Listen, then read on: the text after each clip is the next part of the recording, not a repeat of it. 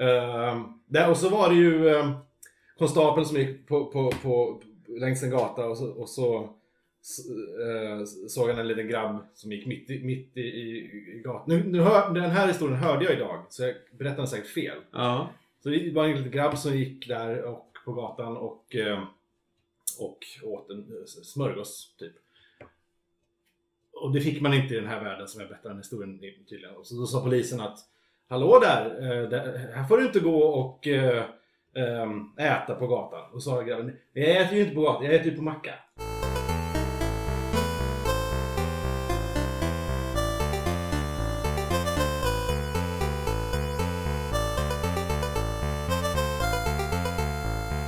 Hej och välkomna till eh, Fackpodd nummer fem, nummer fem. Med Anders, Ivan och jag, Magnus. Säg hej till publiken. Hej till publiken! Hej hej! Vad ska vi prata om idag? Ja, vi ska väl mest prata om Fandom, tror jag. Ja, Men det kanske kommer Kanske. lite längre fram i programmet. precis. Vad hade vi tänkt att börja med? Fan vad, vad smidigt och naturligt allt, allt Ja, känns. precis. Nu var vi snacka om Xbox One. Var vi. Just Det är ju det! den stora happeningen från igår. Ja, det måste ju nämnas ändå. Eh, Jag kikade på den här live-eventet igår eh, och när Microsoft nu eh, an- annonsade Xbox One som är den nästa konsolgeneration av Xbox konsolserien, säger man så. Ehm, Så släpps i höst. Eh, Och den... Jag tror att det, ja, jag vet inte var jag ska börja riktigt. Den, är, den ser ut som en jättestor VHS-bandspelare. Det är lite konstigt. Eh, Eller någon sorts tjock perm. Ja, en per- perm av något slag. Men det spelar ingen roll hur den ser ut. Nej, det- det- egentligen... Den såg väl okej ut. Men eh, den verkar ju innehålla en sinnessjuk massa eh, superbra hårdvara förvisso. Och, eh, men hela grejen med, med den är att, alltså, Microsoft har ju tänkt att det här med Kinect var ju en jättesuccé. Eh, det, det pysslar ju alla med. Det tycker alla är roligt. Ja, Så ska alla spela tv-spel eh, och bete sig framför konsolen. Så, och det har de ju... Nu är det som Kinect på, på crack. Alltså, um, den är supersnabb, man kan sitta och vifta och, och prata med den. Den spelar hela tiden in uh, allt ljud jämt så att man alltid kan starta den, eh, inte starta den, men man kan alltid göra saker med den. Och den filmar jämt så att man kan bara gå fram framför den och, och vifta på, på, med olika slags gestures. Uh, och, och, och få den att bete sig. Och byta kanal eller byta till spel eller sätta på en film eller vad som helst. Det gör den skit, jättesnabbt. Sen, och där blir man ju lite pepp eh, tyckte jag. jag Förutom, om jag får bryta in, så Gud, tycker ja. jag det är lite småläskigt att den ja, alltid lyssnar. Det har ju också, det har ju blivit en, kan man säga, en backlash på det här. Många artiklar på webbsidor idag handlar ju om, om det här eh, att den hela tiden bara spionerar. Hur, jag menar, hur svårt är det att hacka en sån då? Ja, man undrar. Liksom. Det är ändå en PC-produkt. Det kommer att Eh, hända. Ja. Så det känns väl inte sådär säkert. Och sen börjar de, eh, och då, men ändå, det känner man lite shit, det här är på någon slags någon framtid och det kändes lite high tech. Men sen börjar de visa spel som ska komma till den här och det är bara liksom scumbag, douchebag spel. Det är bara hockeyspel och NFL, jag vet inte allt. Boxning. Boxning och ja, ehm, eh, så rallyspel. Cage fighting-spel och ja visst. Det är Men har- bara har inte- tråk. Har inte Xbox alltid varit typ såhär the Jersey Shore av, eh, jo. av eh, det, spelkonsoler? Ja, men har- ja. Jo, det är sant. Det, ja. Men det lockar ju inte mig. Och, och mycket riktigt, direkt efter eh, det här eh, eventet nu så, så börjar folk ranta som fan på nätet och, och man kollar ju på deras eh, tidigare spel så har det ju varit som de har släppt liksom exklusivt för Xbox, eller som har varit primärt för Xbox, har det ju varit typ sådana här... eh, Vad heter det? Var det Call of Duty? Eller? Nej? jag är ju ingen Xbox-kille. Nej, inte heller. Men jag, jag, det, jag, det jag har sett har ju Army of One vet jag vad har Ja. gjort för dem. Alltså det har ju bara varit sådana här spel som är typ antingen testosteronfyllda eller... Men Alltså, också, eh, men också så här småspel av eh, in- indiespel som ko- direkt kommer först till Xboxen. Liksom, för att det kanske är lättare att utveckla till den, jag vet inte. Eh, men här verkar det som att de bara körde på det. Men i alla fall, så, så sen dess har ju eh, nätet, Twitter och så här fyllts av hån mot eh, Xbox One och Det var också jätteroligt att se hur, hur, hur börskurvan, om man jämförde Microsoft med Sonys börskurva, hur, de, hur Sony bara svingade sig upp i luften och Microsoft dök. Det är roligt tycker jag, för jag är ändå en PS4-kille, eller Sony-kille. Jag tycker ändå det är lite konstigt att det, att det var så mycket skit. För den där presskonferensen sa ju egentligen ingenting. Nej, och Utan den sa, ju också ser- me- den sa ju också mer än eh, PS4-annonseriet. Ja. Ja. ja, men det som jag tog med mig från den här oerhört tråkig presskonferens. Det var ju att Okej, de verkar ska satsa på TV väldigt mycket. Ja, Jag vet inte hur. Är det, jag fattar inte riktigt hur... på det går väl någon TV-sladd in i den. Ja, det måste du göra. Och vad man ska spela in då kanske. Vet inte. Ja, och det, det verkar som att det är stora grejen både med Xbox One och PS4 att den nya grejen som kommer nu är att man ska spela in allt man gör. Det, på PS4 kommer det bara vara en liten knapp på handkontrollen som gör att du, du bandar ditt gameplay. Ehm, och kan lä- lägga upp och dela till dina kompisar och allt vad det är. Men hur jävla tråkigt är det? Allt, allt du gör kommer, kommer du lätt kunna spela in. Alltså det är tråkigt om man är... Jag, jag har ju kollat på en del spelvideos på YouTube. Men det, det måste ju vara exceptionellt för att det ska vara intressant. Jo, men nu kommer alla börja göra det. Jag tror jag har slutat köpa konsoler. Jag tror inte jag kommer köpa någon av den här nya generationen. Tror du inte? Nej. En PS3 i alla fall. Vill PS3 lägga har jag. Ja, du har en PS3. Ja, och, och Ja. har en Xbox 360. Ja. Men jag tror inte jag kommer köpa något nytt. Då skulle det vara en enorm skillnad. Mm. Och inte bara att det är nya häftiga spel, utan då ska det vara en jävla funktionalitet som är bortom det som finns nu. Mm. Och jag vet inte om att göra paus med, med en gest är liksom tillräckligt mycket en... Spiken i kistan blev ju också nu att, att jag läste precis innan jag gick från jobbet idag att ehm, de har, det har ju kommit fram att ja, den måste ju vara kopplad till nätet. Xbox One. Uh, åtminstone någon gång varje dygn. Svårt att ta med till Så- sommarstugan. Lite svårt att ta med till sommarstugan, precis. Det kommer ju folk bli tokiga av. Ja. Det Nej går- men det, man vet ju själv, fan plötsligt dyker nätet. Ja. Ja, nej, jag vet inte. Jag, jag, jag säger så här, the jury is still out. När det gäller båda de här PS4 och Xbox One. Ja. För min del. Ja, jag, får, jag köper väl båda så får du testa dem hos mig. Ja, ja det, låter, det låter som en bra deal. Ja. Nej, jag har ju, bland annat på din inrådan, Ja. Anders, Mm. så har jag ju lyssnat på Alex och Sigge. Mm.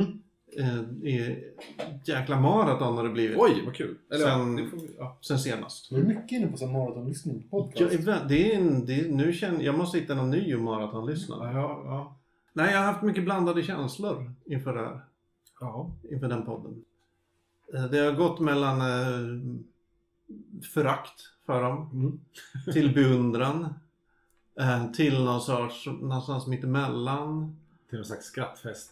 Ja, ja men det har varit mycket, mycket olika. En, en jävla resa har det varit. De är ju så sätt. jävla personliga på ett genomtänkt sätt som är, är väldigt hypnotiskt nästan. Jag skulle vilja, det, det är en sak jag skulle vilja ha tänkt på, på de här. Jag tycker inte de är personliga. Ja. Eller de är väldigt regisserat personliga. De vet exakt vad de ska ta upp. Och det blir aldrig särskilt utelämnande, egentligen. För de, är, de tar alltid upp exakt nästan samma grejer. Mm. Eh, hur mycket de älskar sina döttrar. Ja, just det. Eh, Alex pratar gärna om sin pappa på olika sätt. Ja, just det. Och... eh, Jag sin- på första avsnittet när, när han drar hela den här... Ja, Ja. jag har lyssnat på alla. Så det, det blir... Det låter väldigt personligt. Men jag tycker inte att... Alltså det blir... Det är så tillrättalagt. ja. Eller så är det att de är, har en väldigt bra fasad. För jag tänkte när jag, när jag lyssnade på um, Crazy Town, som jag maraton lyssnade på tidigare. Mm. Där fick man mer följa, speciellt Kringland Svensson då. Det känns man följer hans psykiska utveckling under två års tid eller vad det nu är, ett och ett halvt. Men det är utveckling och det är inte avveckling. Nej men sen, man märker så här, okej nu, nu är man ganska bra och sen märker man, oh shit, här är en snubbe. Han håller på att bränna ut sig, han mår skitdåligt. Ja. Och säger shit, nu är han verkligen deprimerad. Och sen säger ah, nu mår han lite bättre. Och så, och så märker man när han kommer ur det där. Eh, och man märker det verkligen när man lyssnar på podden. Mm. I Alex och Sigges fall, där kan de säga så här. Alex till exempel. "Nej, jag har sån jävla dödsångest just nu. Ja. Och man hör ingenting av det i hans röst. Det låter som något han bara övat att säga. Ja. Som att det är en sån här bekväm zon Ja, för honom. Att eh, ja, men här kan jag falla tillbaks till min och prata om min dödsångest och prata med min pappa. Att det är liksom hans comfort zones. Mm. Och samma sak, Sigge har också lite olika. Jag vet inte hur många gånger han kommer tillbaks till att han jobbar på, McDonalds till exempel. Eller Burger King eller vad det var. Vad gör han det nu eller? Nej, Han har ju Nej, det. tror- han har ju. Oklart hur länge eller när, men i, sin ungdom. Men när- i Fredrik och Philips podd så, har, så eh, när Filip mår han mår ju dåligt tydligen, alltså ganska ofta med jämna, jämna mellanrum. Eh, då reder de ju ut och grottar liksom ner och, och liksom berättar historier och det är ändå det, man, där känner man på något sätt. Det finns ett mörker där. Liksom. Han är på Mm. väg ner, alltså, det, är, det är inte bra. Eh, fast på ett lättsamt sätt. Men den här fasaden som du pratar om, det, ja, det, jag förstår vad du menar. Ja. Mm. Eh, en annan sak jag tänkt på, Alex och Sigge. Där jag, jag skiftar väldigt mycket hur jag uppfattar det. De, I början tänkte jag så här, oj shit, de är fan, bra historieberättare, har alltid en rolig anekdot till lager från sitt liv Mm. och sådär. Så lyssnade jag mer och mer. Så tänkte jag, de måste ju skarva och ljuga något enormt. För oavsett vilket ämne, eller ja, oavsett vilket ämne de pratar om, så har de alltid en välfunnen anekdot ur sitt eget liv. Ja. Sådär som, ja ah, jo men det får mig att tänka på den här gången, alltså, du, du, du, du. och så har de en underhållande, rolig, så jag tänkte men de, det här kan ju inte stämma. Alltså, jag, om jag tänker på mig själv, har kanske max fem jätteunderhållande anekdoter någonsin Ja. i hela mitt liv. Ja, ja. Och de levererar så här två, tre stycken per avsnitt. Så då tänkte jag, ja men de måste ju ljuga och hitta på. För det, det här är ju så jävla osannolikt. I alla fall skarva och lägga saker till rätta sådär. Men sen insåg jag, nu framåt slutet av, när jag kommer fram till nutid, att jag tror inte de hittar på. Utan det är bara att de tar ofta väldigt, väldigt banala saker. Mm. Och skruvar till liksom. Och så, jag vet inte, ja de skruvar inte till det, och det gör de ju. Men att de tar en vanlig händelse ur sitt liv, till exempel ja, i morse sjöng jag för min dotter i köket. Och så har, gör de det till en, en liten berättelse. Mm. Som, alltså de är så jävla bra berättare. Det är kanske det, jag är ute efter. Ja. De kan, berä- de kan ha, dra en historia om något fullständigt vardagligt och egentligen ganska ointressant. Och få det att låta som en jävla skröna nästan. Ja. För de pratar, de så här, pratar med väl som inlevelse. Ja. Och då där när jag stod i köket och, sjöng för min dotter. Då visste jag hur det var att vara en rapstjärna. Så här, liksom. Ja. De tar i så jäkligt. Eh, ja, så ska jag sammanfatta. Jag eh, gillar dem jättemycket mer nu än vad jag gjorde innan jag började lyssna. Ja, jag är inte helt övertygad om att jag verkligen har lust att lägga ner tid och lyssna på Alex och Sigges podcast. Efter saker som ni båda sagt. Mm. Eh, inte sålt in den riktigt. inte riktigt sålt in den, inte helt. Eh, för- däremot började jag lyssna på Crazy Town, det var ganska kul. Eh, fast det var så himla mycket att lyssna in och lyssna ikapp. Ja, de är väl uppe i 80-90 avsnitt. Ja, och det var liksom... Det är ju kontexten på något sätt i den podcasten som är intressant, inte de enstaka avsnitten. Hur menar du? Alltså det är ju, det är ju kopplingen mellan avsnitten och, så här, och följa deras snack i flera avsnitt i rad som är intressant snarare än, eh, än liksom bara varje avsnitt i sig har liksom en, en poäng och en intressant vinkel. Absolut. Det är en... Så, så det blir så här, en, man måste kanske lyssna igenom ett, så här, show, ett, ett, ett, en hög av fem avsnitt för att liksom få Mm. ihop en, en bra liksom, upplevelse. Det är 40 minuter per avsnitt, det blir väldigt mycket. Ja, Eh, ja det kräver ju tid. Ja, det, det är nog min enda invändning. Alltså jag jämför den med, med andra podcast som handlar om så här specialintressen eller Mm. sånt där. Så, så är varje avsnitt på något sätt liksom en egen entitet som är ganska intressant att lyssna på. Mm. Jag tänker lite som att eh, många podcast är som en film. Handlar om en grej. Ja. Eller en show. Så. Mm. Crazy Town kanske mer är som en tv-serie. Eller en, en det. såpa. Ja. Som man får ut mer av ju mer man lyssnar på det. Just det. ja. Och nördigt kanske är som rassel som var flera timmar långt. Och Alltså jag har ju försökt med på nördigt. Ja. Jag pallar inte så långa avsnitt. Nej men det, man- det, tar- det tar ju en vecka. Man får ju pausa och så... Ja. För de har ju ändå in, delat in det så här. Nu kör vi med comics-delen. Ja, då pausar man och så lyssnar man på någon annan podd ett par dagar och sen typ kommer tillbaka. Så fortsätter och så precis lagom till torsdagen så är det ju Dags igen. Dags igen, för nytt. Det räcker en hel vecka för mig. Ja, det är kanske så man ska lyssna nu. Ja. För fyra timmar blir, det går ju inte i sträck. Nej, det, nej, det gav vi upp. Det, det det, fick mig bara, jag, när jag såg första avsnittet jag lyssnade var typ tre timmar. Och då Ja. åkte jag tåg. Ja. Så jag till typ Malmö eller något. Ja, Så då var det inga problem. Men eh, nästa avsnitt var så här fyra och en halv timme eller något. Det var så gigantiskt. Hon bara, nej, ja, det går inte, jag orkar inte. Ja, fast den, den, den gillar jag jättemycket. Det skänker mig mycket glädje i veckan. Ja, du hade hört något. De hade pratat om något som du var lite... Vad var det? Skämshögar Jo, just det. Sen, I senaste avsnittet så pratar de om det här med, med skämshögar. Eh, och det är väl en, en grej som man har, har pratat om sinsemellan med sina kompisar ibland. Så här, såna här grejer som man...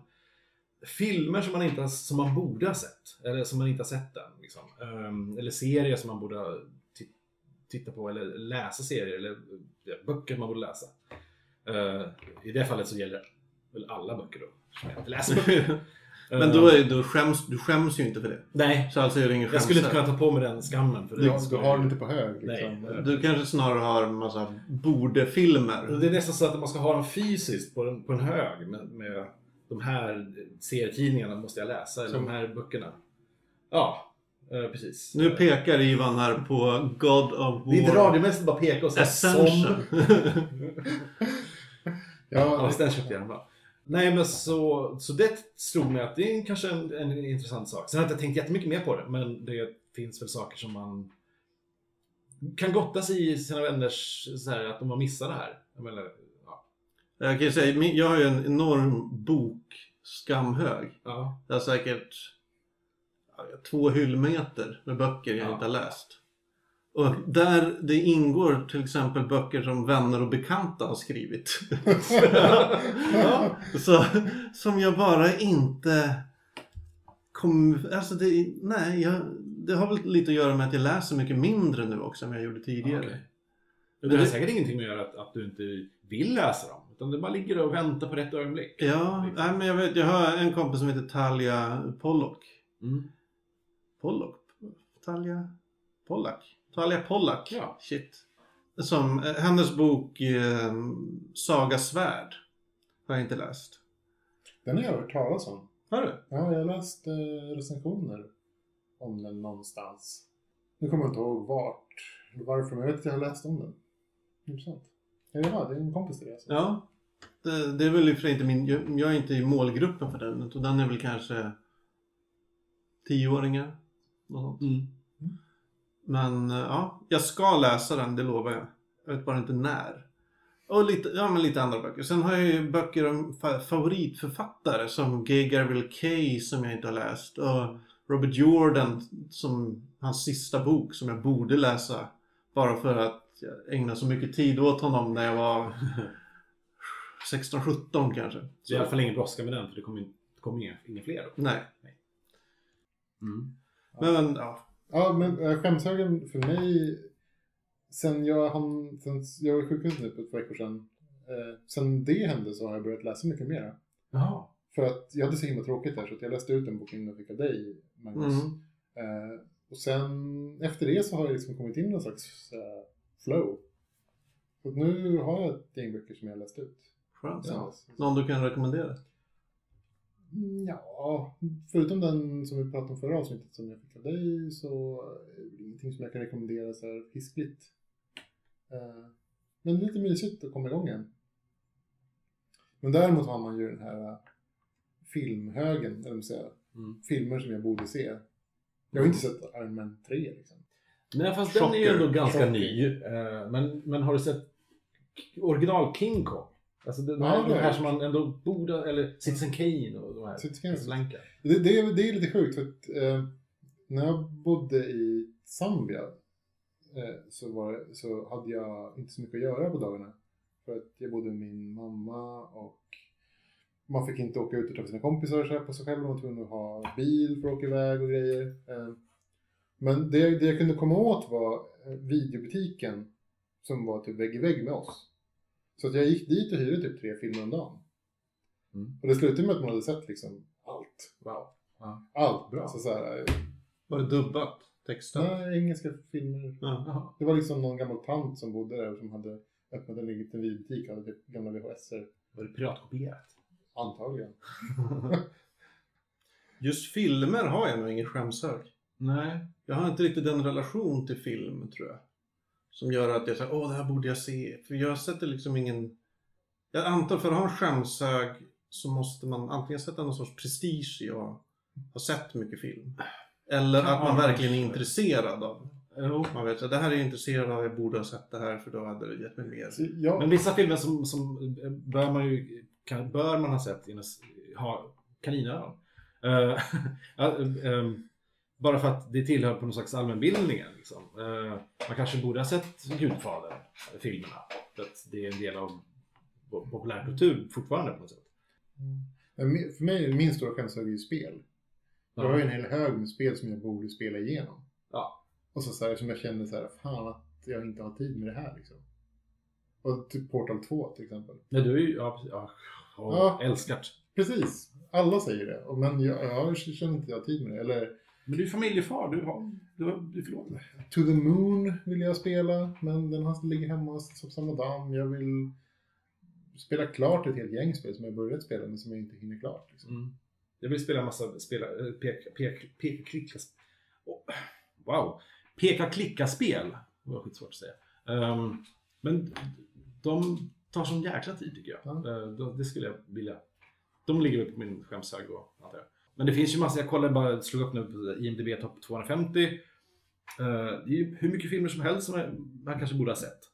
It's a wonderful life, eh, Sunset Boulevard. Den har jag sett. Den Båda de har jag sett. Ja, Sunset Boulevard Ha! har jag nog inte. spoila in, inget. Nej, jag spoilar inget. Precis. Från Nej, men det- nej, jag känner igen det. 46. Fast själv utgår jag ju då från Pirate Base topp 100 nedladdade. Jaha, ja. Det Då bara ligger de tre första. XXX. Nej, men man kan gå på, man kan ju ta bort porren och då är det bara De tre första är Iron Man 3 i olika cam-versioner. Ja, och sen är det typ såhär Ninja Assassin 8. Och så, det är verkligen en, en dudig Det kanske- det är kanske den listan man ska ta sig igenom. Riktigt. Ja men tänk dig så här, vad gillar 15-åriga killar Ja. så, att titta på i grupp? Ja, ja, ja, det är det. Ja, är det är det? den Ja. listan. Det var som man snackade om på rasten i nian. Ja. ja, men det är ju verkligen så. Däremot har jag en enorm eh, tv-serie-skamhög. Ja, just det. Till exempel The, The Wire har jag Mm. inte sett, som jag gärna vill Inte se. jag heller. Och vad är det mer? Sons of Anarchy har jag typ bara sett ett avsnitt. Mm. Det är mycket Star Trek jag inte har sett. Precis. Sopranos, Sopranos har jag Six Feet Under och, och The West, West Wing. Liksom. West Wing. Ja. Där har jag faktiskt, jag köpte ju boxen på fyllan för ett år sedan ungefär. Mm. Ehm, och jag har sett två säsonger. Ja. Det är ju faktiskt helt otroligt bra. ja. Jag såg ett avsnitt och sa till mig själv, det här är det bästa jag någonsin har sett. Mm. Alltså mitt i en säsong bara. Ja, det är troligen det bästa du någonsin det här sett. måste jag ju se, men sen har, har jag inte blivit av. Men det roliga med, med, med skämshögar, Mm. Tycker jag. För jag, jag kommer ihåg en gång, det hade en jävla hög med böcker. Och så, är det, så, så ibland säger jag, ja men nu ska jag beta av någon bok i den här jävla högen. Och så tar man dem och så läser man. Och så blir det liksom så här en jävla atombombsupplevelse. Mm. Alltså en sån här riktig jävla, man bara får gåshud och tänker det här är fan det bästa jag läst någonsin. och det när man minst anar det liksom. En wow-upplevelse. Ja. Fast det är inte så konstigt egentligen. Man tänker att skämshögen är saker som är bra, som man bara inte hinner med. Och dessutom, då blir det en hel hög av bra. Där du också, nu, nu känner jag för att se på någonting, då, har du, då kan du verkligen pejla in och välja det. Precis det du vill se just nu. Ja men det här, nu känner jag sugen på det här. Och kan kanske ta åt den på ett bättre sätt. Än att du bara har en bok att läsa. Ja, nej, men jag kommer ihåg en gång jag hade ja, min favoritförfattare som då inte var min favoritförfattare, Guy Gabriel Kay. Mhm. Eh, hans bok eh, Tigana. Mm, jättebra. Enormt bra. Finns det som ljudbok? Uh, gör det säkert. Finns det som film? Ah, ljudbok finns det säkert. Ja, men den hade stått i min skämshylla i säkert 6-7 år. Mm. Alltså länge, länge. Och så vid något tillfälle så bara, jag skulle åka någonstans. Ja men den här verkar lagom tjock för den här resan. och det enda jag gjorde på den resan var ju att läsa den här boken. Ja. För den var så jävla bra! Och jag bara shit, det här, det vet, man gillar, jag gillar ju fantasy väldigt mycket. Ja. Och så kommer något som bara tar genren och bara gör tar bort allt mög. Och så är det bara den här briljanta kärnan kvar. Det blir ju lite bokdiskussion, men har ni någonsin liksom ehm, så fort ni lä- läser sista ordet på sista sidan, har ni börjat om och lä- läst om en bok? Nej, Shit vad bra det här är, jag må- jag måste in i världen igen på en gång. aldrig. Däremot har jag, Det gör man ibland med spel tycker jag, en del Ja. filmer också. ja, men jag, jag har ju saknat världen när man lämnar ifrån sig, Mm. liksom, efter man har läst klart en bok. Så kan man ju säga, oh, det var så var. Ja, Jag tror jag har den här någon sorts naggande känsla att det kommer inte vara lika bra nästa gång man läser. Mm. Ja, fast det, man vill ha mer av samma, känner jag ofta. Kanske inte samma exakt, men liksom. Jo men det, har ju, det bygger ju i princip hela på popkulturella etablissemanget på nu. Ja men du vet, uppföljare. Ja, av alla- extra material och... Ja, att det, man ska kunna vara kvar i den här jävla världen hur länge som helst. Med spel är det ju så att visst, även fast det är ett linjärt spel som har ett slut så eh, man kan ju alltid börja om för att spela på svårare nivå och samla fler trophies eller achievements. Mm. Mm, så att det är väldigt lätt då det är att bara börja om och fortsätta. Så.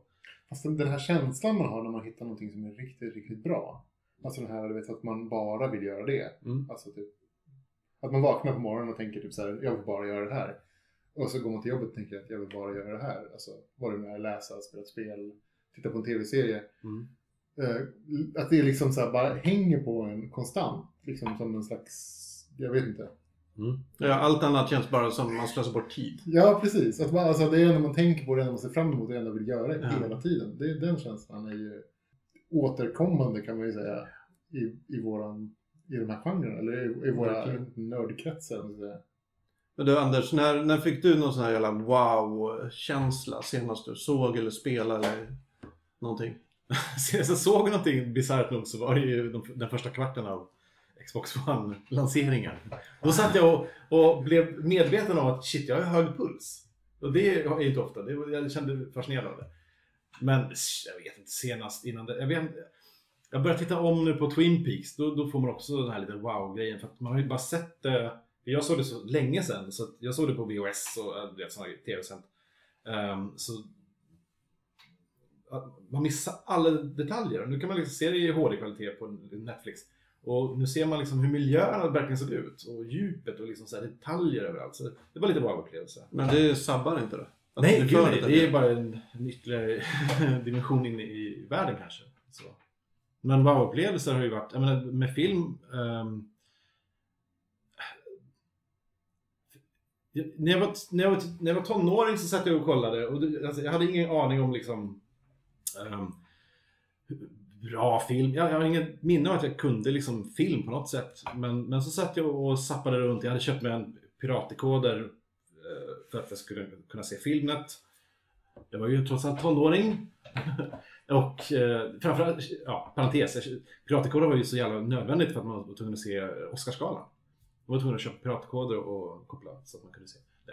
Uh, nej men så, så satt jag och zappade och så snubblade jag över till någon uh, film på, på, på Filmnet som, som var fransk. Fast de, de sa ingenting och det var väl typ så här för 60-talet. Och, och, och det var så helt annorlunda grejer än vad jag någonsin hade sett på innan. Jag, för att på den tiden kanske man såg flabbiga komedier med Björn Skifs och tyckte det var det roligaste. Och så plötsligt så händer det här som det här är ju också roligt och det här är mycket roligare. Eh, det var ju eh, Mon Onkel av Jacques Tati som Ja. jag älskar. Ehm, och jag kunde inte fatta att den här humorn fanns. Lite så också första gången jag såg, jag minns när jag såg trailern till, till Nakna Pistolen. Det var, det var jag, jag, att, att, det här, att, det där, att det där fanns. Jag, jag kunde inte anat det. Det är som man, man ser världen Det på ett det annat sätt före och efter. Ja, det var verkligen det. Och plötsligt så här, efter man sett en trailer och, och ja, det, sånt här finns också. Det, det var livs, livsuppvaknande på något sätt för att det breddade ens spektrum totalt på liksom bara några minuter. Eh, så, så det, ja. Vad, vad var frågan? Ja, nej. Också, när, också en annan gång när jag på samma sätt satt och, och zappade och snubblade över 2001. och tänkte, ja, men jag, jag kände väl till den och tänkte så här, men det här ska jag nog, ja, men jag ska väl se den, jag har inget för mig. Och, eh, och jag kände när den var slutat, jag fattade den. Varenda all symbolik och, och eh, den är ju rätt trippig och superflummig. Väldigt. Eh, men jag, jag fick, jag vet, jag kanske uppfattade det fel, men jag fick ändå ihop det i mitt huvud. Så här, det där betyder ju så. Och den där, aha, och så eh, en helt ny värld av liksom eh, djup kanske i filmer öppnar sig då. Så det, det, det finns några sådana här aha-upplevelser Mm. som man har varit med om. Det är härligt när de Mm. kommer. Mm. Men det var länge sedan. Ja, man kanske inte riktigt, alltså, jag tänker som den här, eh, vad ska man kalla det för, spoiler eh, grejen liksom, att det förstör ens aha-upplevelser. Mycket trailers och så. Som bara... För jag, jag kommer ihåg att jag hade ju samma sak första gången jag såg The Matrix. Och det var ju piratkopierat från någons, eh, en kompis till mig som så här, jag brukade spela spel på ett internetcafé och sen så satt jag där, hade inget speciellt för mig och han sa typ så här, "Ja, förresten jag fick den här filmen av någon som tyckte att jag skulle se den. Så jag har inget annat för mig. Satte jag på den liksom. Filmen, Ja. Ma- Matrix. Precis. Och stället du jobbade på hette? Nej, fast det var på ett annat ställe. Eh, och då eh, ja, satte jag satte igång den här filmen liksom. Och då var det liksom det mest fantastiska jag någonsin sett. Mm. Mm. För att jag inte hade ens hört talas om den. Liksom. Det här var ju, Coolt. det var inte någon som hade sagt, alltså jag hade inte sett en trailer, inte sett en reklamaffisch, inte sett någonting. Ja, man måste ju komma ihåg, för bara säg 98 Innan det så, det enda stället man såg trailers på, det var ju på bio Ja. innan en Eller film. hy- hyr-VHS. Ja, och då var det helt oftast väldigt Ja. gamla Ja, det trailers. var det faktiskt. Ja. Mycket westernfilm. Och det var ju helt sjukt liksom. Tyckte jag. När jag, Ja. jag var, jag var såhär blown Den away. var en sån. Och liksom, Ja. den, kom ju inte, den filmen kom till Sverige förrän typ 6-7 månader efteråt. Jaha, alltså så långt, en- långt ja, efter. Wow. Ja, då förstår jag att du inte visste något om den. Så att den var ju liksom antagligen nysläppt i USA liksom Mm. den helgen. Och, och så fick jag råka bara få den liksom, i handen. Det har jag nästan glömt bort att det brukade vara sådana enorma eh, glapp mellan Ja, det. och Sverige-premiärer. Och det var inte länge sedan som de, som de korrigerade det glappet. Nej, kanske var fyra år sedan. Eller ärligt talat, det, det finns ju fortfarande. Det, det, jag menar, eh, se, den första Dark Knight-filmen tog väl... Jag tror den tog... Nej, nu, nu vet jag inte vad jag Fast det är första, då- det är ju ändå, det är ett tag sedan. Ja, jo, okej. Ja, ja men det, det var nog en av de stora. Det andra var väl första gången, ungefär samma period i och för sig. Man spelade ett online-spel med mycket folk i.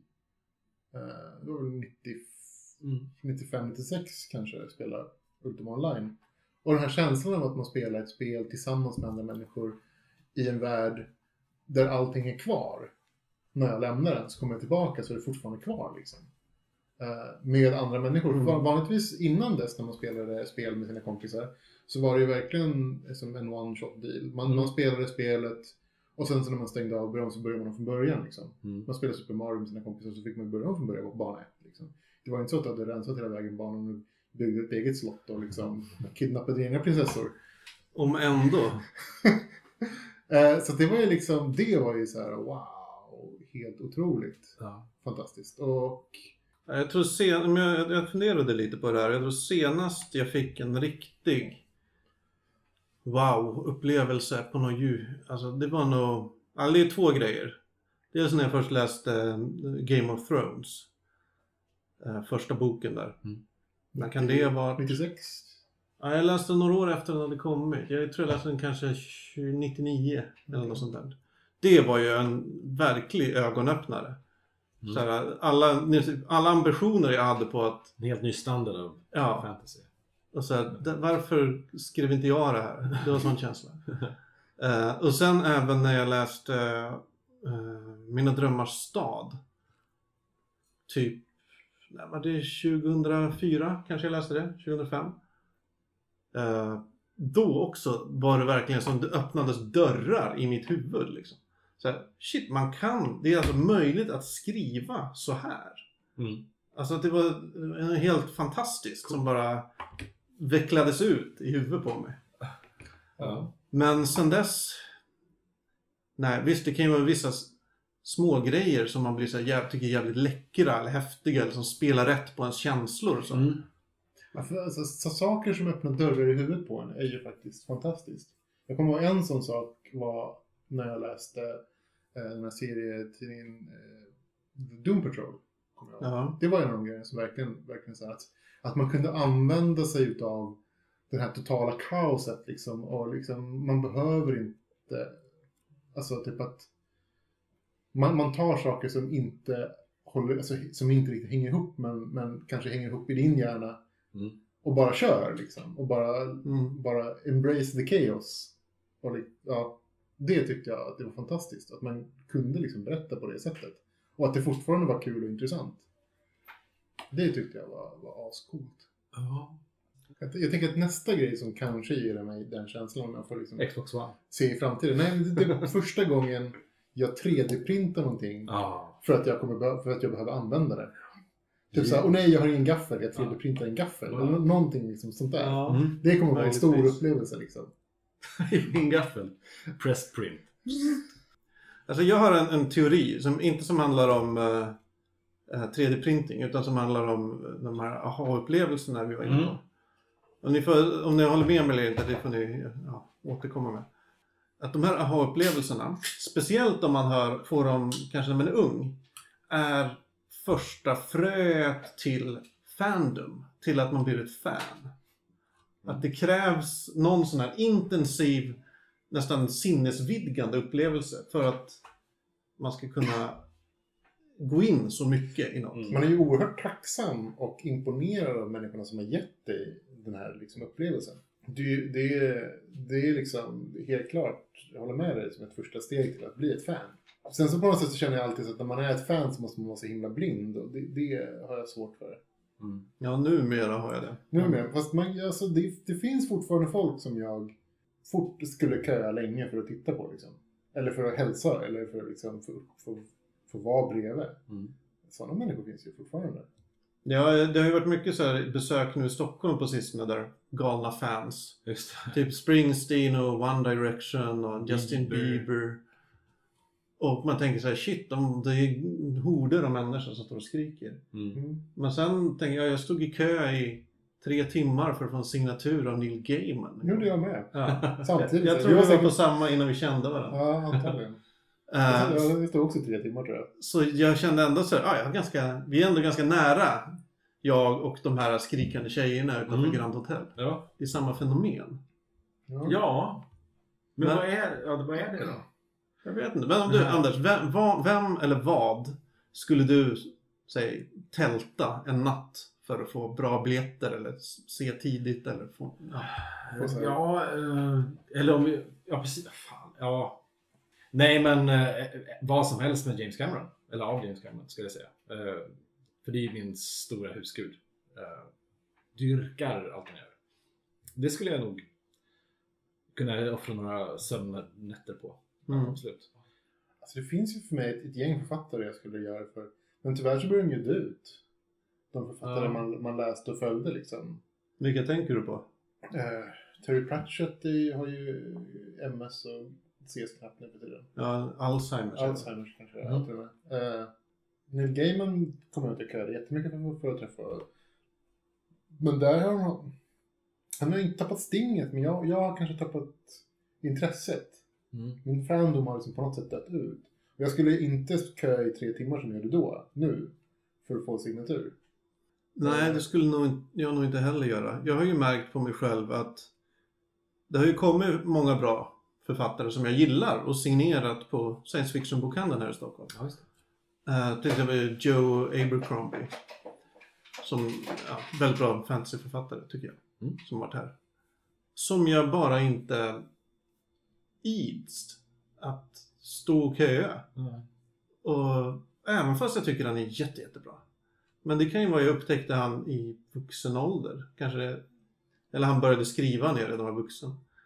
Och det kanske är svårare, det krävs mer för att man ska gå in i det här. Alltså, så här, jag skulle köa jättelänge för att liksom få ta en öl med ett par författare och snacka lite skit. Ja, men precis sånt. Det skulle, Det skulle jag, man ju Mm, göra. ja, det är en alltså, annan typ så här, femma. Tänk få göra det med Warren Ellis liksom. Ja, fy fan. Alltså jag skulle fan köa i dagar för att få bjuda Warren Ellis på, Nej, du skulle på, betala på, för på det whisky med. liksom. mm. Ja, jag Hur skulle, mycket pengar är det värt? det är ju värt hur mycket som helst. Alltså så här, ja men få sitta på en krog och säga typ hej till Ellis och bjuda på en, Ja. på en, på en whisky. Det Ja, skulle ju vara... prata en halvtimme. Prata, fan prata tio minuter skulle Ja. ja. 10 000. Man skulle att få dem att svära åt det i tio minuter, det skulle vara värt. Ja. Hur mycket ska det 10 000 spänn? Ja, kanske, ja. ja. Ja, jag, jag vet inte riktigt vilka jag är fan. Jag är ju fan till George R. R. Martin. Det skulle jag säga. ja. Och, fast samtidigt vill jag träffa honom. Jag vet, det är liksom det där, jag gillar hans verk. Ja. Och kanske inte bryr mig så mycket om han som person. Nej, jag vet inte fan om jag skulle vilja eller våga träffa James Cameron. För, för att jag är ju rädd för honom. Ja. Man, man måste ju vara rädd för honom. Ja, men det, när man, när man, Varför det? Han är ju galen. Han är, ju, han är säkert jättetrevlig men han är ju... Ja, för fan. Typ jobba för honom skulle det vara. Jag skulle vara värt hur mycket pengar som helst, men jag Ja. skulle aldrig göra det. Nej, jag, vet inte. Nej, jag förstår det där. Och det, när man har en, en idol, som det ändå är på något sätt. Så att träffa den innan mer än bara så här hej hej och få en signatur. Mm. Och, och liksom umgås med den. Det känns som det kan ju bara bli en besvikelse. Därför jag, jag tänker ju efter, um, säg Star Trek Fandom, eller mycket science fiction fandom kan vara enormt fanatisk. Mm. Och det tror jag dels närs av att science fiction, i alla fall i Sverige, anses som något fult. Eller det är låg status. Och då blir man som en härdad kärna av fans. Liksom, som Mm. verkligen brinner för det här och måste göra det till sin liv, en livsstil nästan. För att stå emot det här ständiga föraktet utifrån. Mm. Det är ju för sig lite, jag har lite svårt med fandom som, som inte gillar förändring. Liksom. Som inte kan stå ut med att, att deras historia förändras. Ja. Och det är ju, jag tycker att det är liksom oundvikligt att det blir så. Men hur menar du? Har du några exempel? men, så Star Trek Fandom är ett typexempel. Liksom, att, ja, om man, om man liksom är fan av Original Series så tycker man att Voyager är skit. Mm. och så vidare. Att liksom, eller typ, nej men jag, jag kan inte uppskatta, eller jag gillar och för dem, men folk kan inte uppskatta de nya Star Trek-filmerna för att de skiljer sig himla mycket från det gamla. Och sådär. Och, jag vet inte, jag har svårt att man måste, du måste låta sakerna stå liksom för sig själva. På sitt sätt. Ja, det finns ju ett element i själva fan-psyket att man vill gjuta in något i en kristall och sätta det på en pedestal. Mm. Att det ska vara så evigt och perfekt. Just det. Som kanske inte är så realistiskt eller så hälsosamt egentligen. Ja. Jo men det är ju så här när man låter någonting ta över helt. Men det, det, är liksom, det hänger ju i själva sättet att vara, liksom, att, man, att man verkligen gillar saker. Alltså nördighet på något sätt hänger ihop med fandom. Men det var nästan lite så här när man var som tonårskär. var man ju fan helt jävla besatt av eh, någon tjej och som typ kunde inte tänka på något annat. Man var helt... Det var, det var ju också ett slags fandom. Vi henne då? Jo, men jag, jag har oftast känt att så här, den här, som vi pratade om innan, då, den här känslan man har att, man, att allting annat än just det här man är- brinner för just då bara är bortslösad tid. Att det är Mm. precis som att vara kär i tonåren. Ja. Att det triggar precis samma grejer. Så här. Allt man vill vara är med den här personen, allting annat känns bortkastat. Och alla som inte förstår en är idioter. Ja men det, absolut. Jag kan ju bara nu, typ i höstas, så um, höll jag på att bli förälskad i en tjej. Ja, sådär. Det blev ju ingenting till slut. Otroligt. Men ändå. Ja. Ehm, och då var det ju det här att varje sms jag fick som inte var från henne då, det var ju bara bortkastat. Ja. Bortkastat med el, tid, eh, någon som skriver det här smset. Jag brydde mig inte. Jag bara sket fullständigt i alla sms som inte var från henne. Ja. Jag, när, jag var, när jag var tonåring, då var också där tjej, en tjej eh, i min klass. Um, Jenny Magnusson. jag tror inte du lyssnar. Eh, hej i alla fall. Nej i så fall. Um, nej men hon var så här uh, på grund av att jag var det. Men, men ja, i, i Jean-Michel Jarre. Um, och av någon anledning så, så hade hon, vi, vi, vi bodde ungefär i närheten så vi cyklade hem på fredag, fredag eftermiddag, eftermiddagen efter skolan och eh, hon frågade mig om, det, om jag visste om det fanns någon så här, eh, vad heter det, Fa- fanclub av- för, Jean-Michel. Jarre. Eh, nej, det visste jag ingenting om. Så, så här. Och, sen, blev jag helt besatt av att hitta den fanklubben. Och det här är på en tid, det här var ju liksom eh, ja, sent 80-tal. när man- Det fanns ju inte internet. Det fanns ju inte, sånt här fanns inte på biblioteket. Det fanns ju ingenting. Eh, eh, Vad liksom- gjorde du? Ja, jag, jag... Jag skrev handskrivna brev till flera musik... Ja men typ, jag vet inte om Ginsa fanns då, men så här, massor med så här musik... Börsen, alltså Ja. musikbutiker. Och, och frågade, vet ni om... Jag tr- jo, fan, jag tror fan jag ringde också på en lördag till någon så här, någonstans nere i Malmö och liksom fick ta på... Oj, det var dyrt då. Ja, det kanske var. Rikssamtal. Nej, men då, ja, första gången jag ringde Riks eh, och försökte så här, de, de, de måste ju tro att jag var helt dum i huvudet. Men ehm, jag undrar om jag hittade någonting till slut. Någon adress som stod på någon CD-fodral kom jag på till slut. Det, ja, men hör av dig hit. jag var helt besatt av det där. Det Hur lång slags- tid tog det här projektet? Nej, men- ja, säkert jag vet, en vecka. Något sånt. Men det var ju hela- 100%. Att liksom lista ut vad Ja. den här... Nu kanske jag överdriver lite då. Men, men det, var, det var ett stort jävla projekt. Apropå Fandom och kärlek Ja, och var- det här att det var... Ja. När var det senaste gången du blev helt besatt av någonting? Alltså, jag hade den där känslan. Det brukar bli när jag... Ja, men säkert teknik. När jag upptäcker ny teknik som jag vill ha. Så jag blir helt besatt och bara vill, måste ha den här grejen. Det, det blir jag helt... Nej, för mig har det har det precis som varit tv-serier. Ja. senast eh, när jag... Ja, det var Doctor Who. I höstas. Mm. Som jag blev riktigt och bara, det var det jag gjorde. Gick hem från jobbet, kollade en 3-4 avsnitt Doctor Who, sov, gick till jobbet Ja. och så vidare. För mig blir det när det kommer ett nytt bra spel. Eller en bra bok i och för sig, men mest när det kommer spel. Jag blir som helt besatt. Det är det enda jag vill göra, att sitta och spela. Ja. Och så är liksom, det är det kvällarna går till när, efter att alla har somnat. Mm. Så sätter jag mig ner och spelar och liksom så fort jag får en så här, sekund över så är det det jag vill göra. Man längtar hem från jobbet. Man bara måste hem och fortsätta. Men det här med, med Michel, Jean-Michel Ja. Jarres fanclub. Ja. Jag har, ju, jag har ju varit med i lite, inte fanclubs, men så här, typ rollspelsföreningar och åkt på något konvent och sådär har jag gjort. Mm. Och jag har jävligt svårt för organiserad fandom. Ja, ja, jag har ingen erfarenhet av det. Att jag, jag vet inte vad det är, men, men det här eh, känns som så mycket glädje försvinner ur det när man när det blir så här, man ska hålla möten. Och det är alltid ledare, de Årsmöte. bestämmer säkert vad, vad, nu ska vi göra det här, nu ska vi åka till Justin Biebers, han är där och vi ska bete oss så här, vi ska ha de här skyltarna. Och då, ja, Ja. Det, styrt på något sätt. Därför, eh, det finns ett forum på nätet, rollspel.nu, som jag har hängt på sedan typ 2000. Mm. Eh, och eh, för att säkra driften av det där forumet så skapade de en förening för kanske två år sedan. Och då tappade jag helt lust. Ja. Jag bara, nej, jag, ska det vara, även om det är vid IRC, board meetings, så jag bryr mig, jag orkar inte. Jag klarar inte av det, att det ska vara administrativt. Nej. Men hoppar du av föreningen eller hoppar du av forumet? Eller? Eh, både och. Jag, jag går in där ibland och kollar. Mm. Men eh, det kanske var samband med att jag blev ointresserad av rollspel mer och mer. Jag vet inte. Fast det är, ja. Det är det ju inte. Nej det är inte. Det är komplicerat. Det är komplicerat. Men är det så att det känns som att det är din grej och, och du vill ha det på dina villkor och, och jag ska inte rätta mig efter någon, var det en, alltså, även fast det inte är några konstiga regler, men jag ska inte rätta mig efter någon annans regler utan det här, jag vill ha Ja, min fandom på mitt sätt. jag tror lite, lite så. Mm. Jag, jag, kan, jag kan inte sätta fingret på vad det är. Men jag vet inte, jag vet inte om du Ivan har någon annan upplevelse eller? Alltså jag har ju varit med i föreningar en del. Tolkensällskapet bland annat. Mm. Eh, och sådär. Och, men jag tycker det är ganska trevligt att man får dela med sig av liksom sin psykos, eller vad man ska kalla det för. eh, kärlek, psykos. Ja. Eh, Men hur, Ja, det går hur, det måste ändå vara strukturerat. Det måste ändå så, ni kan inte bara sitta där och Tolkien! Nej, men jag, jag är aldrig med i liksom, jag har ju väldigt svårt för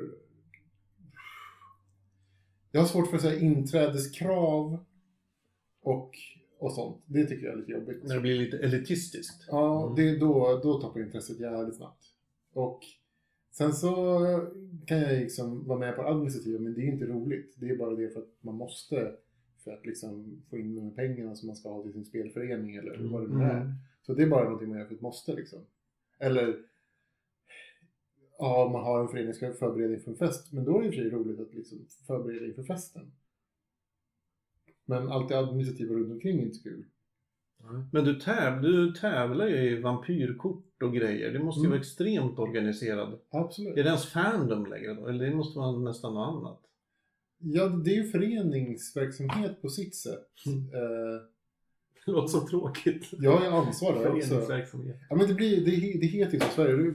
Ja, alltså, jag vi är ju extremt eh, vet du det, ut, äh, vet du det, eh, förfördelade här i Sverige. Att det finns möjlighet till att ha föreningar till sån stor utsträckning som det finns. Mm.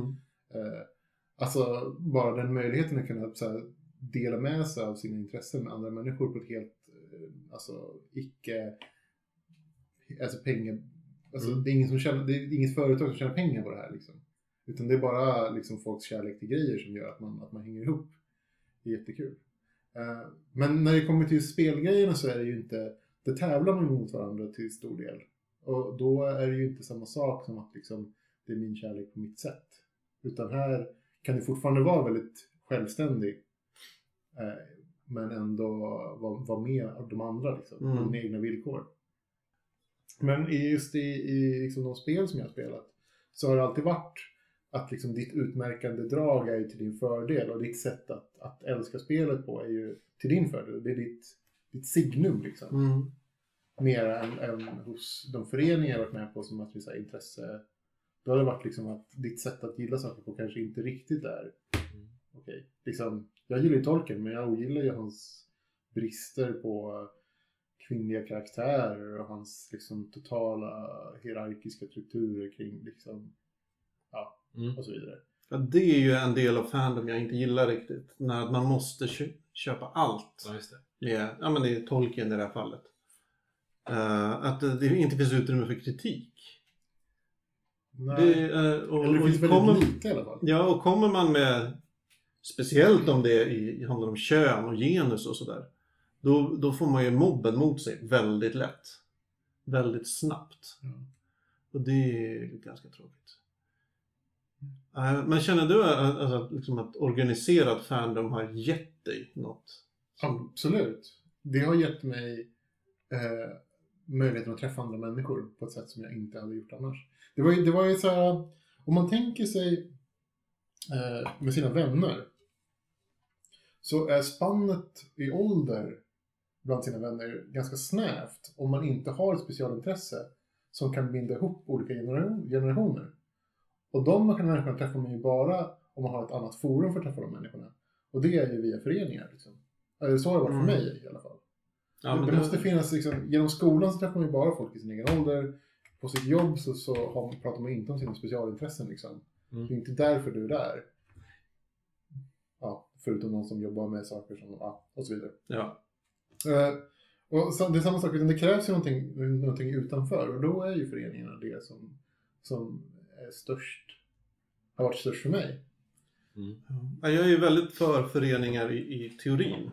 Ja. Men, men de är inte för mig. Jag tycker det är fantastiskt att vi har ett föreningsväsende på det sätt som vi har i Sverige. Absolut. Men där jag pallar inte. Ja, det, det är ju det, den största, det som jag har fått med mig liksom mest. Och det är människorna man träffar Mm. där. För att till, till 90% bra människor som jag verkligen, verkligen gillar. Och det kan jag inte säga i många andra sammanhang. Nej. Att man träffar till 90% människor som är bra som man verkligen, verkligen gillar. Jag vet inte, jag har kanske haft lite motsatta erfarenheter i i många fall. Nej men att, alltså ibland upptäcker man ju att, som, som fan, att man delar intresse med människor man egentligen inte vill bli förknippad man vill Nej, och då blir man dem. Eller man, man, Ja. man tvingas sätta ett likhetstecken med, Ja. mellan mig Och och, de det, här. det känns inte alls bra. Jag det, nu är det ett ganska banalt exempel, men det, Dr Who som jag nämnde, Mm. eh, kollade på det, älskade det jättemycket. Så tänkte jag så här, "Ah, jag går med i den här Facebookgruppen Ja. och tjötar lite. och eh, jag kan inte riktigt sätta fingret på varför, men jag, jag verkligen pallade inte med. Alltså människorna är så jävla fel, fel att säga, men sättet The har sett det, Hovianerna, Ja. på det sätt de var fans. Eller sättet de diskuterar elitistiskt? serien. Att alla ska veta bäst om eh, vilket avsnitt. Alltså, är det... Vad är det som är... Nej, jag tyckte, kände snarare att det kanske var för mysputtrigt. Ja. Att det blev, det var liksom inget... Ingen, Då- då- ingen analys. Nej men, ja lite så, men att de var så jävla accepterande och... Ja, och här är en gullig... Fy fan vilka jävla svin! jag vet. Oh, det får du avlajka på en gång. Ja, Men det är för på, så här är en gullig bild på Billy Piper och så, åh, typ. Det finns inget innehåll eller nej men, nej lite så. Att Här är en rolig GIF. Ja. Och här är... Visst ska det bli härligt att se det här avsnittet Alltså, jag- ikväll? Ja. Jag tänker Ja. på när vi pratade Buffy. Ja. Så var det ju, då hade vi ju ganska så här, äh, liksom, diskussioner kring avsnitten och vad som var bra och vad som var dåligt. Det var ju Inte ganska... i en podd eh, väl? Utan, Nej, det var bara när vi såg så Ja, du höll på att vi- kolla. Jag hade ju redan sett. Mm. Eh, Det var liksom, då var det ju väldigt intressant på det sättet. Alltså, så skarp analys och liksom, du vet. Man, man liksom, jaha, tänkt på det här i det här liksom, och har du sett den där grejen och hur tänkte du när du såg det där och vad tyckte du liksom, och så, Mm. om det här greppet och den här tanken och den här Mm. scenen och sådär. Eh, det, kanske, det kanske var det du saknade eller? Det, ja, jag tror det. Ja, Det är jättesvårt för mig att sätta fingret på exakt vad det var. För det låter ju jättekonstigt att jag inte gillar dem för de var så accepterande och, och härliga människor. Ja, men det kan ju bli lite sektgalet ibland. Så, Välkommen till oss Ja, men det Magnus. är kanske det. Att, Ja. att det var lite det här... Här mår vi alla så Åh, bra. vad bra det här är! Vi kramas och, och runkar av varandra. Så Ja. bra är det. Fast de runkade inte av varandra, och många var tjejer. Ehm, men ni, ni fattar, att det är liksom bara en så här, dunka varandra på ryggen fandom. Mm. Fan vad vi är smarta och härliga som gillar det Visst här. är det bäst med Dr Who. Ja, Ja. och ja, men just den där känslan att man delar sin passion med människor som man inte vill, vill dela den med. Nej, uh, apropå när jag nämnde Twin Peaks nyss. Så för mig, eh, det är nog en av de få serierna som för, för mig känns som min serie. Eh, jag, känner, jag har faktiskt inte känt som någon, någon annan, men den jag vet inte vad det är, jag kan inte riktigt beskriva det. Men, men när den sändes första gången på TV så var det så, för mig, och jag kan ju bara tala för mig själv, men för mig var det så viktigt och jag liksom verkligen spelade in, jag köpte speciella superbra VHS-band. Uh, eh, och spelade in dem och liksom gjorde, det var så jävla, jag gjorde det som en snygg box. Det var så här, det var min värld. Uh, så jag, jag kan inte acceptera riktigt att andra gillar Twin Peaks. Utan så här, ja du gillar också min serie. Ja, varsågod. Det känner jag lite. Men eh, jag kan inte acceptera att andra har ett förhållande med Twin Ja, Peaks. jag gillar Twin Peaks. Ah! Fast till viss del, det finns vissa grejer jag verkligen inte gillar Ja, ja, såklart. Men det där är väl den, Ja. det ultimata uttrycket av fandom. Ja, kanske. Att man är så... Men det, jag tänkte på det, för nu när jag ser om det så här, ja det här är ju min, min serie. Det, Ja. känner, det är ju mina kompisar jag ser på TV. Alltså det Det är värsta är när konstigt. folk, alltså när man har något sånt och sen så misstolkar de, eller enligt, i min åsikt, inne, innehållet. Ja, just det. Ja. Då, då blir jag ju så här. så är det inte! Men å andra sidan, men du kanske tolkar det sättet. Jag har ju inte enskild makt med att, Nej. som att min tolkning som gäller, men, men man Nej, blir men där- lite upprörd. Ja, att de har får en, an- en annan upplevelse. Ja, och det är Så- inte som, rätt. Nej, Nej. vad fan. Fast mitt värsta med att jag förknippar med folk jag in, är fandom som jag inte vill förknippa mig med. Alltså, det är ju Frank Miller. Jag älskade Frank Miller när jag var tonåring. Och jag tyckte fortfarande han, alltså hans tidiga serier är väldigt, väldigt bra. Mm. Men sen så när han började skriva liksom främlingsfientligheta, lik- eh, främlingsfientliga liksom, debattinlägg och en anti-islamisk serie. Mm. Ja. Då tappar jag liksom suget. Men jag tycker fortfarande jättemycket om hans tidiga serier. Jag tycker, alltså hans tidiga Batman är fantastiskt. Och liksom 300 tycker jag fortfarande om alltså serien. Fan jättefin och alltså, snygg och bra. Men, men sen så, så här, men för att gilla den så måste jag förknippas med författaren som, som numera, kanske redan då, jag vet inte hur det Ja, var. man vet inte. Eh, Men numera i alla fall är liksom galen. Han ger ju det intrycket. Det har blivit, han är någon sorts politiskt right-wing nutcase. Ja men han är typ Tea Party, nutcase, främlings, islamofob liksom. Mm. Det är helt sjukt. Och det känns jättejobbigt att, att behöva liksom förknippa sig med honom i någonting man gillar. Mm. Där är ju det är ett intressant dilemma som det återkommer ju då och då. Det här med att någon man beundrar eller någon vars verk man uppskattar visar sig vara en jävla idiot. Och vad, vad det gör för verken. Eller för, för ens uppskattning av vad den, den personen har gjort. Mm. Ja, det, känns lite grann som att han har förstört de verken för mig. Men, men jag, jag försöker att se förbi det. Liksom. Mm. Att inte det ska liksom, ha förstört hans tidiga verk. Jag, jag hoppas ju liksom att han inte var sån från början. Mm. Det har bara blivit så. Risken är att man börjar läsa om, man läser om boken eller serien. Ja. Så ser man det på ett nytt sätt när man vet att ah, den här snubben är ju rasist. Ja.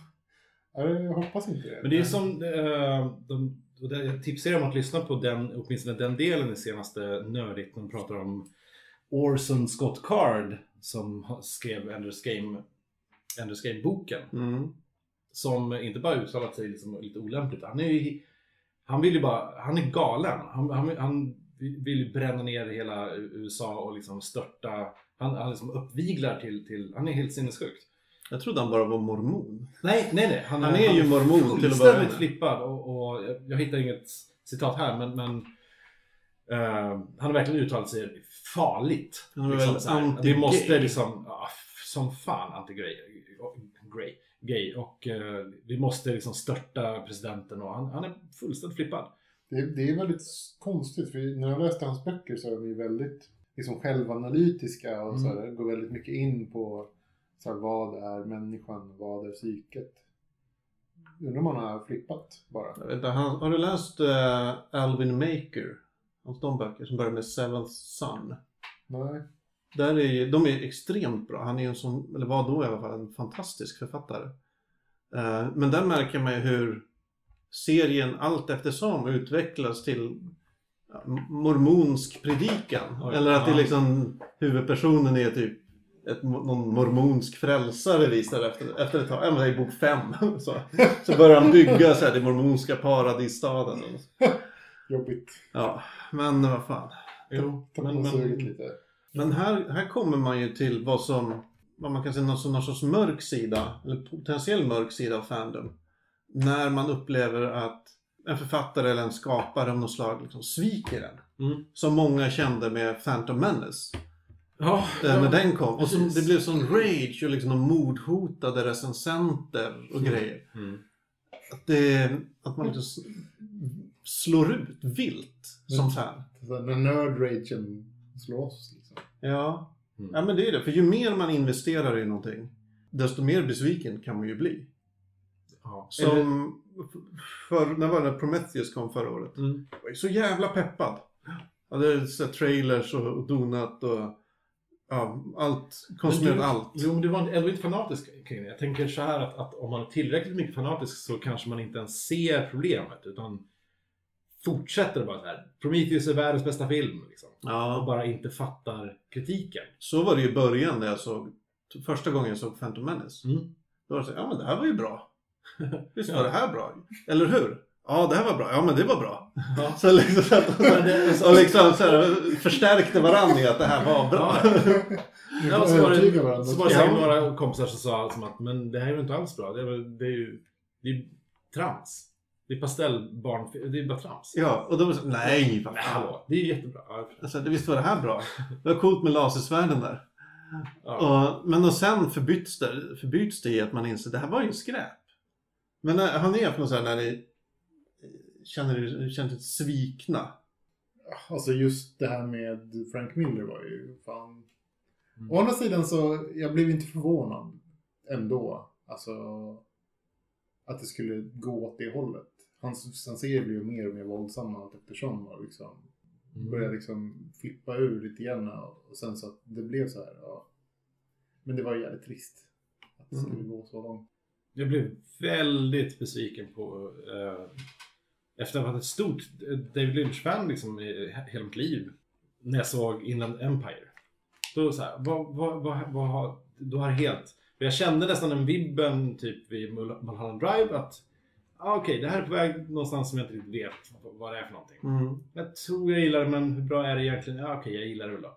Men Inland Empire, som var Lynchs första ja, fy, den den är ju vidrig.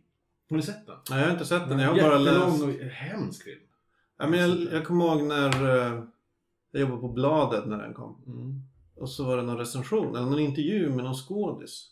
Eller vad det nu var. Jag minns inte. Men det är tydligen så. Han hade ju inte berättat överhuvudtaget för skådisarna vad fan det var de var tänkt att göra. Eller liksom vad den handlade om. Eller så här, hur det, det var bara allt var bara kaos och förvirring under hela inspelningen. Mm. För han vägrade berätta vad det Ja. var. Vad, men vad, vad, vad, vill min karaktär i den här scenen? Det är ganska Han bara, tydligt. nej gör bara så här. Det är ganska tydligt när man ser eh, Mulholland Drive, när man vet mer om det nu, att och så här, ja, Lynch ha, ha, hade faktiskt inte så mycket i tanke bakom. Han, han vet inte vad saker, symboliska saker i filmen, vad de betyder. För att han, han känner att han behöver inte, det behöver inte finnas någon be- betydelse. Det är bara någonting han gillar. Så, och så kan ju, han vet sincerely att, att det finns inte någon poäng med vad nu var, the, the Blue Key eller vad fan det var. Medan Inland Empire är också, det är, så här, det, det är bara för mycket konstigt. Det, det finns inget, jag förstår vad, vad du menar. Det, det kan inte varit, finnas, funnits mycket tanke bakom det. det vill säga, jag ska bara göra en, en känsla här, så gör jag den filmen och så, vad fan är det då? Ja. Nej. Nej, jag blir Ja, det är en djupt på film. Ja. Men vad, vad är det härligaste fanögonblicket ni har haft? Oh shit, det är ju så... För mig, första, mitt första år i Cannes 2008, nej det var mitt andra år egentligen. Ehm, men det var första, första, första festivalen jag var där. Och eh, jag var fortfarande väldigt inne i eh, uh, rysspop, tjejerna, tattoos, eh, musik. Fan, jag gillar, dem väldigt mycket fortfarande faktiskt. Ehm, och tillika min ehm, kompis som också var med ner på resan, Nikola, han, han älskar dem också. Så innan vi visste någonting och skulle hända så, så lyssnade vi jättemycket på deras bästa platta och lyssnade jättemycket på, mycket på Tattoo-tjejerna. Och så ser vi i en, en tidning verkar det vara så här, att det, kommer, det, det, det har gjorts en film som baseras på Tattoo. Med Mischa Barton. Den här filmen har knappt släppts än. Det här var 2008. Så den hittade inte riktigt ut efter det här. Ehm, vi lyckades tjata till oss biljetter till den här filmen, så vi såg den. Och mycket riktigt, det var en historia om Mischa Barton. Hon var i Ryssland och träffade på Tattoo och till, till Tattoos musik så träffade hon på någon, någon annan tjej och så blev det som en slags spegelvärld med Tattoo-tjejerna och Mischa Barton och den här andra tjejen. Ja. Sådär. Ja, skitfilm, verkligen. Eh, rysk lågbudget. Jag vet, det såg ut att vara kaos med inspelningen. Hur som helst så de hade ändå pengar. Vi bytte blickar med varandra. Liksom. De, bytte, eh, de hade tydligen pengar i alla fall för någon slags releasegrej. Så de, de, vi, var, vi, vi lyckades få tag på biljetter till festen också. Och där spelade Tattoo-tjejerna. Eh, en timmes konsert, bara för liksom typ oss på festen. Ja. Ehm, och vi stod liksom längst fram och det var någon snubbe bredvid mig som filmade allting med 3D-kamera som jag aldrig sett, sett något liknande förut. Eh, Så här, bara det. Och, och en, en timmes liksom grad, och du vet, enorma bord med bara, vet, hur mycket champagne som helst och det var så här fint folk. Det var jättekul. Och efter konserten så, så gick tjejerna ut och liksom minglade lite med publiken och så här. Ja, jag, jag tog lite bilder eh, med oss. The end. Det var, väldigt, det var, det var en väldigt bra. Det låter härligt. Ja, det var hemskt. Ja. Jag har liksom inte träffat de här skaparna som jag vill träffa. Alltså förutom då Neil Gaiman. Som, det var jävligt coolt i och för sig. Alltså, ja, du var ju där själv. Du vet ju hur det var. Det var Men jag liksom- undrar, var vi där samtidigt? Ja, men det var ju, För- me- det var ju meningen att han skulle hålla, han skulle läsa. Men var Terry Pratchett där samtidigt? Nej, det var han Då inte. var vi på olika gånger. Okej. För det var både Terry Pratchett och Neil Gaiman. Det är som en dubbelträff. Ja, det var ju mitt största fanögonblick. Ja. Kö i tre timmar, och så Neil Gaiman och Terry Pratchett. Vad sa du då? Jag fick inte fram ett skit. Jag sa, jag sa hello, och typ, jag heter Magnus. Ja, jag, jag sa något i stil med typ så här, det här är min favoritserie. Typ. Som jag, han skulle ju signera någonting, men fick ha med sig någonting. Här. Så jag plockade fram typ, så det här är min favorit och han var typ, ja, man kan ju ha många favoriter. Jag dissar dig bara. Ja. Ja. Och sen fick jag en fin teckning. Ja. Det var fint, det var schysst. Han tecknade Dream, Ja. lite härligt sådär. Nej, det var, det var stort. Alltså så här, det var ascoolt, men man kände sig lite dum efteråt. Och så, där, oj, Vad sa jag för någonting? Som ett töcken. ja, jag borde, jag borde ha sagt någonting bättre.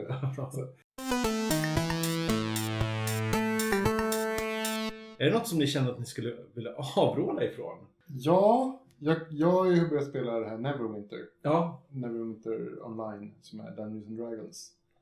Och jag kan faktiskt avråda ifrån det. Ja. Eh, det är ett intressant spel som är hyfsat bra. Men alltså, jag, har ju faktiskt inget förtroende för de som, som släpper det. Eh, Cryptic Games är de som har gjort spelet. Då, då, och, eh, och släpper bland annat ett annat spel, Star Trek Online. Och sådär. Så de har ju inte så här, eh, några fantastiska flaggskepp bakom sig att stoltsera med. Och det här verkar inte vara på väg till så mycket bättre. Mm. Så testa inte det än. Ge det ett par, par månader. Ja, Jag eh, kan väl eh, avråda från podden Fan vad fittigt. ja. En feministisk podd, så på pappret låter det hur bra som helst. Vältaliga, tre vältaliga kvinnor, intelligenta, smarta. Mm. Eh, men de försöker vara väldigt radikala, Ja. tror jag. Men de är inte det. De säger bara saker jag hört på andra ställen hundratals gånger. De kommer inte med särskilt mycket nytt. Ja. Ett tag tänkte jag, ja men de delar ändå med sig lite personliga erfarenheter av, fan vet jag, patriarkatets förtryck. Men eh, nej, jag har hört det på andra ställen. Bättre formulerat Ja. och med skarpare analyser. Du då Anders? Jag tror jag har, jag kom på, jag har egentligen två saker. Eh, Det ena som jag inte tänker gå in för mycket på, men- men jag skulle verkligen vilja avråda alla från att se eh, den se, sista, eller senaste, Die Hard-filmen. Vad fan heter den? A Good Day to Die Hard? Nej, vad det var förra. Nej, vad fan heter den? Nej, det är inte Good Day to Die Hard. Nej, vad heter den nu då? Den förra hette ju Die Hard 2.0 eller 4.0 eller något sånt där. Ja, Nej, men då heter den här så här. Ja, Ja. A Fy fan vilken jävla skit. Alltså jämför den med första och andra filmen. De var charmiga, det fanns en karaktär, John McLean var någon. Han liksom hade en familj och liksom känslor och liksom saknade sin fru och allt vad det var. Vad är, det här är bara dum action som är helt hjärndöd. Det är så jävla dumt så jag blir arg. Kan man säga att du är ett besviket fan? Eh, ja, det kan man göra. Det andra jag skulle avråda från är att beställa saker från Kina. Eh, för det, man får saker i posten och så funkar de inte. Och att skicka tillbaks saker till Kina, det är, fan, det är fan inte värt det. Eh, det är som att så här, det ska... Det, tull och det, det ska deklareras och det ska liksom beskrivas och det ska spelas in YouTube-videos på engelska där man förklarar vad som är fel på sakerna. Och liksom, eh, Say what? YouTube-videos? Ja, ja, jag kan visa er sen. Uh, jag, jag sitter Kan och... vi länka på bloggen? Ja, det vet fan. Men, och, och det är liksom, och så, fota bilder och det ska fotas bilder på paket man skickar och det ska liksom beskrivas och det ska liksom mejlas fram och, fram och tillbaka tusen gånger och de kan inte engelska och man ska skriva en så här, på posten.se om man ska skicka någonting via posten så tillåter bara deras adressfält formuläret 30 tecken. Ja, men tänk om den kinesiska adress har, har 70 tecken då? Jaha, ja, då får du höra tillbaka och se om de har någon annan adress att skicka till. Ja, det är helt jävla... Va? Så då... Jag avråder. Någon annan? Det här är det dummaste jag varit med om. Ja, men ja, jag lyckas få tillbaka det. Ja, vi får se vad som händer. Det låter. Man beställer en sak och det, här, det bara händer saker i två månader efter. Och i slut. Men är det här Kina som land eller är det bara just det här företaget? Ja, det är nog som land. Nej, ja, jo, nej, men det är som land. Ja, men eh, vad fan. Det här var podd, eh, fackpodd nummer fem. FAQpodd.se Yeah. At Oj. fackpodd på Twitter. Hej at fackpodd.se om ni vill mejla med åsikter eller något sånt där. Och eh, vi som har snackat, det har varit Anders Anders Karlsson, hallå hallå. och Ivan. En väldigt trött Ivan. Trött Ivan. Utmattad trött Ivan Marius. Och jag är Magnus Edlund. Hej då. Hej då. Hej då. Hej då.